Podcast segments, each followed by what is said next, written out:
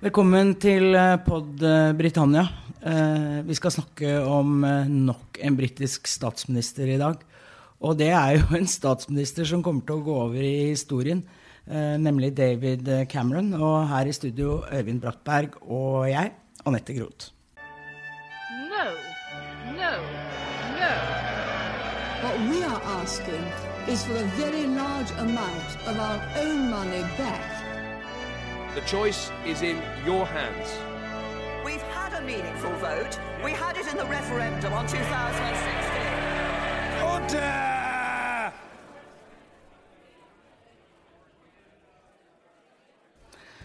Ja, Øyvind Brattberg. Han fikk en stor idé, herr Cameron. Han skulle holde folkeavstemning. Det gikk dårlig for ham. Det gikk veldig dårlig for, eh, for ham. Og det er jo Det er eh, kanskje lett å forstå at det, det ble slik for en statsminister som var han var bejublet på det tidspunktet, hadde blitt gjenvalgt, og det med et, et, veldig godt resultat. Og hadde lykkes i den forrige gamblingen han gjorde med en folkeavstemning, nemlig i Skottland med selvstendighetsavstemningen der i 2014.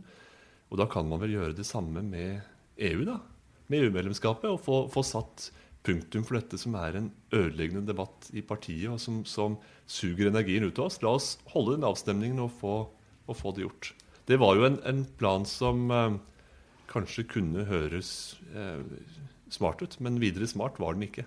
Nei, det han må ha tenkt, er jo det at uh, denne, all denne uh, slåssingen i hans eget parti om forholdet til EU Hvis han hadde en folkeavstemning hvor folk da sa ja til EU, så kunne han si at nå må dere holde opp. For nå har jo folket sagt ja. Og dessuten så var det jo på den tiden dette UKIP, UK Independence Party, var jo på vei oppover på meningsmålingene. Så han ville vel gjerne ta rotta på dem også. Det ville han utvilsomt, og det var, var det et stort behov for også. De, de vokste jo til, til uante, til uant størrelse og var blitt et, et veldig uromoment. Og det var i ferd med å bli en slags sånn eh, et, et, hopehav eller fellesskap mellom ytre fløy i hans eget parti og disse, disse ferdige, fæle fruitcakes, og hva var det han kalte de på det tidspunkt? Disse ukiperne som, som, han for, for enhver pris ikke ville identifisere seg med.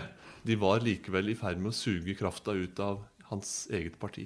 Og det, det er jo lett å forstå at han ville gjøre noe med det, men det han valgte å gjøre, var lite gjennomtenkt og i hvert fall lite effektivt. Nei, Det var jo det forferdelige at man ikke hadde, hadde laget et alternativ for hva man gjorde hvis folket sa nei. Eh, det var jo knapt, knapt en eh, plan noensteds. Og det er klart at det er det som har ført til dagens eh, kaos. Men vi må snakke litt om denne David Cameron, for han var jo virkelig the golden boy i britisk politikk. Han han øh, var en typisk sånn overklassefyr, elite, som mange av de andre statsministrene. Men han, han var jo eh, hadde jo veldig fremgangsdrift og øh, gjorde det jo bra veldig tidlig. Mm.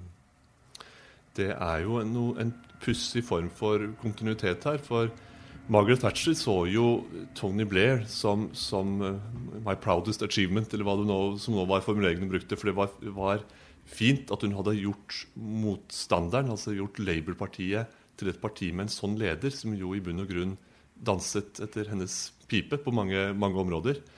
Um, Cameron og Blair på sin, på sin side var også på, på, et vis litt i samme stil. Uh, litt glansede eh, lettbente, ikke veldig ideologiske eh, politikere. Noen som enkelt kunne gjøre alle til lags, så det ut til, og var veldig retorisk dyktige. Men som begge på et vis skjulte en litt sånn ulvelignende politikk på noen områder under disse vennlige gevantene. Jeg har hørt at uh, Cameron selv kalte seg The Heir to Blair. Altså Blairs arving. Han gjorde det. Han, mm. han gjorde det. Og det var jo han var veldig stolt over å bli betraktet som en, en, en, en vellykket offentlig skikkelse. Altså en, dyktig, dyktig, leder, rett og slett. Og det, det, springer også litt ut av familie- og utdanningsbakgrunn. Veldig, eh, en veldig privilegert familie, men også med aristokratiske røtter. Privatskoleutdanning, eh, Oxford-utdanning på en måte født til å, å lede, og da lede i den forstand at man skal sørge for at, at det går at skuta seiler trygt uten at det nødvendigvis innebærer noe vesentlige oppgaver utover det. Bare sørg for å, å komme til, i posisjon, og sørg for å styre skuta trygt. Og det så han ut til å skjøtte ganske, ganske bra ganske lenge, før det store oppgjøret om, om EU kom på banen. Da han kom inn i politikken, så det var jo under John Major. og Uh, han skrev jo bl.a. taler for Major. Det var en av jobbene hans. Han var taleskriver for, for John Major en, eh, en, en, en kort periode. Det, det, var han. Og så forsvant han jo ut i, i, glemselen, kan man si. Eller han forsvant ut av politikken en stund på 90-tallet mens, uh, mens uh, Labour kom inn og Det konservative partiet gikk ned i, i, sank ned i elendighet. Så var han ute av politikken, jobbet i TV-selskap eh, en stund, og kom tilbake i det de konservative virkelig trengte noen som kunne fornye partiet, ta det inn i en ny tid og vinne velgernes gunst. Så der, der landet David Cameron. Ja, han fornyet dem, og han var jo en uh, uvanlig konservativ på den måten at han f.eks. Uh, eh, snakket mye om homofile og deres rettigheter. Var, uh, han var også mye mer liberal enn veldig mange konservative politikere. Og det ble jo lagt merke til, og det var ikke alle i partiet som var så veldig begeistret for det. Men han mente at skal vi få med oss nye velgere, så må de kunne kjenne seg igjen i hvem vi er. Og det var, det var vel hans uh, hovedtanke. Og der tror jeg vi er ved, ved, kjernen av det, hvis man skal prøve å plassere David Cameron ideologisk, eller hva var det egentlig han sto for så tror jeg uten videre man kan si at liberal, det var han. Også i sosial forstand. Med respekt for ulike livsstiler, ulike bakgrunner, avslappet syn på, på kulturell endring, teknologisk endring. Altså en som ikke på noe vis var reaksjonær i kulturell forstand. Så han, han ble en virkelig fornyer av Det konservative partiet. En, en, person og en leder man kunne finne på å, å, finne på å stemme på selv for velgere som i utgangspunktet ikke ville identifisere seg med verken partiet eller med, med høyresida som sådan. Så han, han, han, hadde en eh, velgerappell, en stor velgerappell, og var noe ganske annet enn det, enn det partiet veldig ofte har vært forbundet med. Og så var han en utrolig sterk forsvarer av eh, helsesystemet, NHS, The National Health Service. Um, og det var en helt spesiell eh, grunn for det. Han hadde jo giftet seg etter hvert da, med Samantha, som også var fra en eh, pen bakgrunn. Og de fikk fire barn. Og det eldste barnet, Ivan, han ble født med et voldsomt eh, handikap. Han hadde både cerebral parese og en annen, eh, en annen, sykdom som gjorde at han jo var helt avhengig av helsesystemet. Og David Cameron har jo sagt at Eh, mens det var vel Tony Blair som sa 'education, education, education'. Og så sa, sa David Cameron at jeg trenger bare tre bokstaver, NHS, for å si hva som er min, min kjernesak. Og han døde dessverre, lille Ivan, da han bare var seks år gammel. Men eh, helsevesenet ble en, en fanesak for eh, Cameron etter det. Så fikk du jo tre barn til, da. Um, sånn at uh, at han, han, ble ikke barnløs. Men uh, det var en ganske rørende historie. Jeg husker jeg så ham stå på TV og si at den dagen du får den beskjeden, så er det som om et hurtigtog kjører over deg. Men så er han jo så skjønn, så da gjør det ikke noe likevel. Mm. Og det var, det var, sånne ting som gjorde at han som en konservativ Og de er jo ofte litt sånn stiff upper lip-typer, disse her. Ble populær blant folk veldig eh, menneskelig eh, på, og, og, med en veldig naturlig måte å, å, snakke om disse tingene på også. Og det ga jo, det et, et, troverdig grunnlag for å si at jeg er faktisk for velferdsstaten. Jeg ønsker at vi skal ha et knakende, et knakende godt offentlig helsevesen. Og jeg ønsker også levende og gode lokalsamfunn, og at folk tar vare på hverandre. Mye av dette ble jo oppfattet som litt sånn pussig prat av andre i partiet. Men det hadde, det hadde en appell, og det hadde også rotfeste i hva han selv trodde på. Det, det, det, hadde det. Problemet for Cameron ble jo at mange av disse ideene ble vanskelig å iverksette da partiet kom i regjering i 2010. Rett og slett fordi mange av ideene kostet penger. Og penger var ikke hva man hadde mye av i, i uh, britisk, uh, britiske statskassa på, på, det tidspunktet. Så da ble det kuttpolitikk i stedet, og det var kuttpolitikk som definerte veldig mye av hans uh, regjeringstid. Men jeg har ofte lurt på dette med disse folkeavstemningene. Han er så veldig glad i folkeavstemninger. Først den i Skottland, som du nevnte, i september 2014. Ok, han vant den. Men vant, altså det var 45% av skottene som stemte for å gå ut av den britiske unionen. Og Cameron fikk panikk, og det fikk jammen de andre politikerne i, eh, i Westminster også. Han slo seg jo sammen både med Ed Miliband i Labour og Nick Clegg i de liberale. Og de tre delte scener i Skottland da jeg var der, så jeg husker dette her og, og advarte skottene om så skrekkelig det ville bli hvis eh, de gikk ut. Som sagt, som du sa, så vant han den. da 55% stemte for å bli. Men så kom da denne andre Det er jo svære konstitusjonelle spørsmål, dette her. Hvorfor, hvorfor var han så glad i de folkeavstemningene? Det har jeg lurt på. Som personlig egenskap så kan man vel tenke som så at, at eh, Cameron var en, en, en, gambler og hadde kanskje et litt lettsindig forhold til til de tunge, de tunge, institusjonene og de tunge konstitusjonelle spørsmålene. Jeg tror noe av, noe av, sannheten ligger der.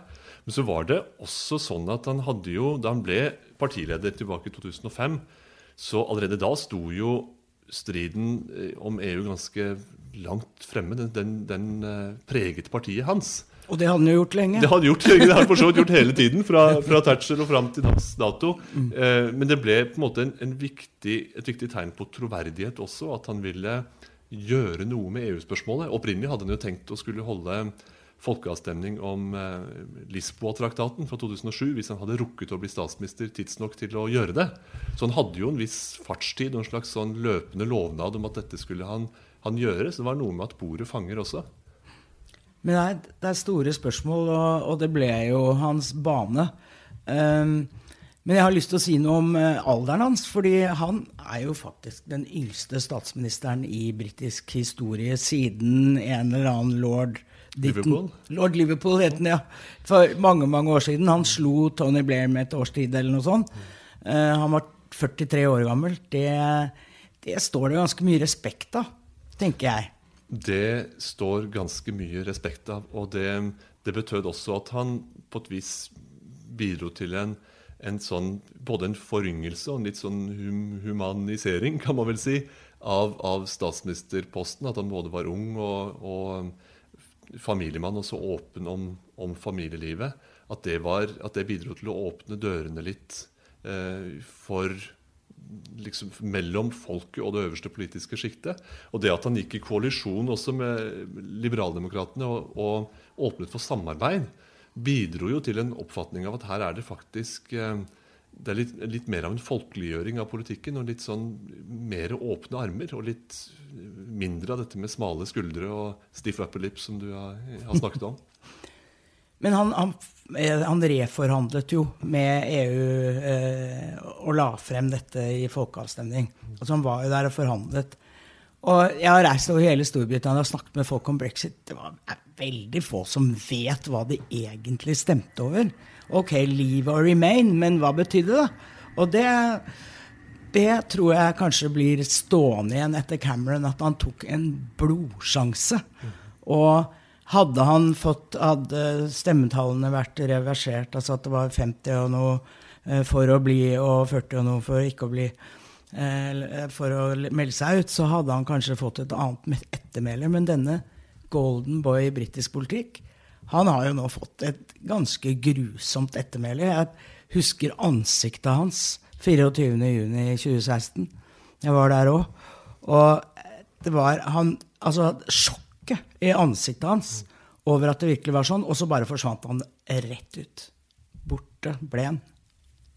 Borte ble han, og det som var planen om å sette punktum for en ødeleggende strid i, i partiet og i britisk offentlighet, har dessverre ikke endt, endt slik. For uh, framfor å sette et punktum, så har det på et vis blitt, en, blitt starten på et mer brutalt oppgjør enn noen gang om europaspørsmålet i, i det konservative partiet. Det er også synes jeg, en ganske god illustrasjon av at britisk partipolitikk er ikke så Det er ikke så mye eh, samarbeid på tvers. I det skotske tilfellet så evnet de, de britiske partiene å stå sammen om at vi ønsker eh, å beholde dere i den britiske unionen. Følg oss, på, på et vis. Men EU-avstemningen ble på mange vis et, Det ble igangsatt av Det konservative partiet og ble et oppgjør som handlet i veldig stor grad om Det konservative partiet.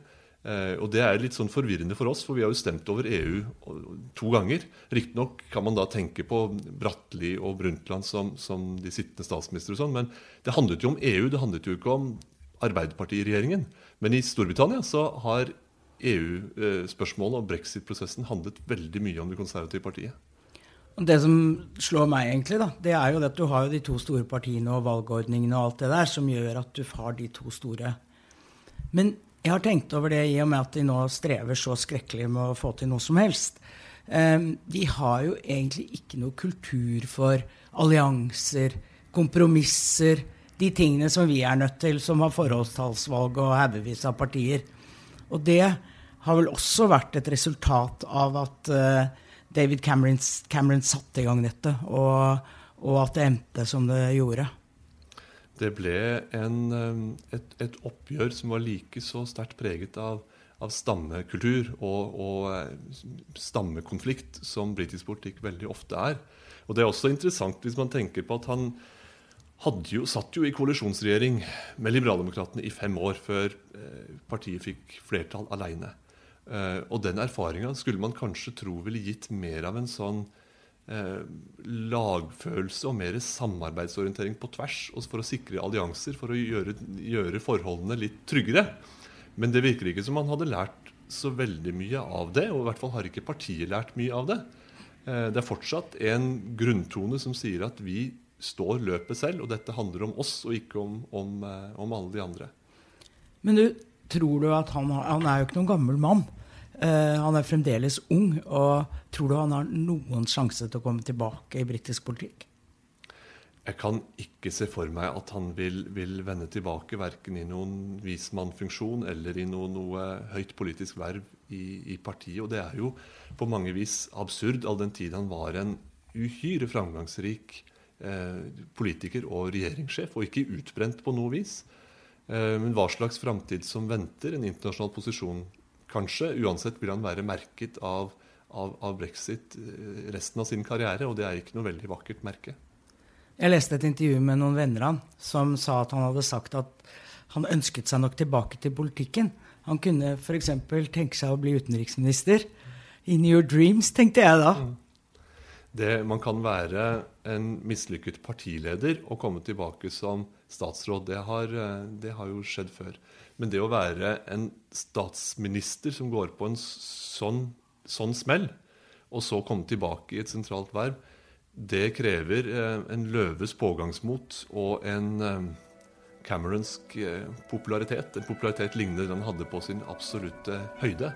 Og der er vi bestemt ikke i dag eller i nær framtid. i hvert fall. Uansett så endrer han i historiebøkene. Det gjør han. No, no, no. What we are asking is for a very large amount of our own money back. The choice is in your hands.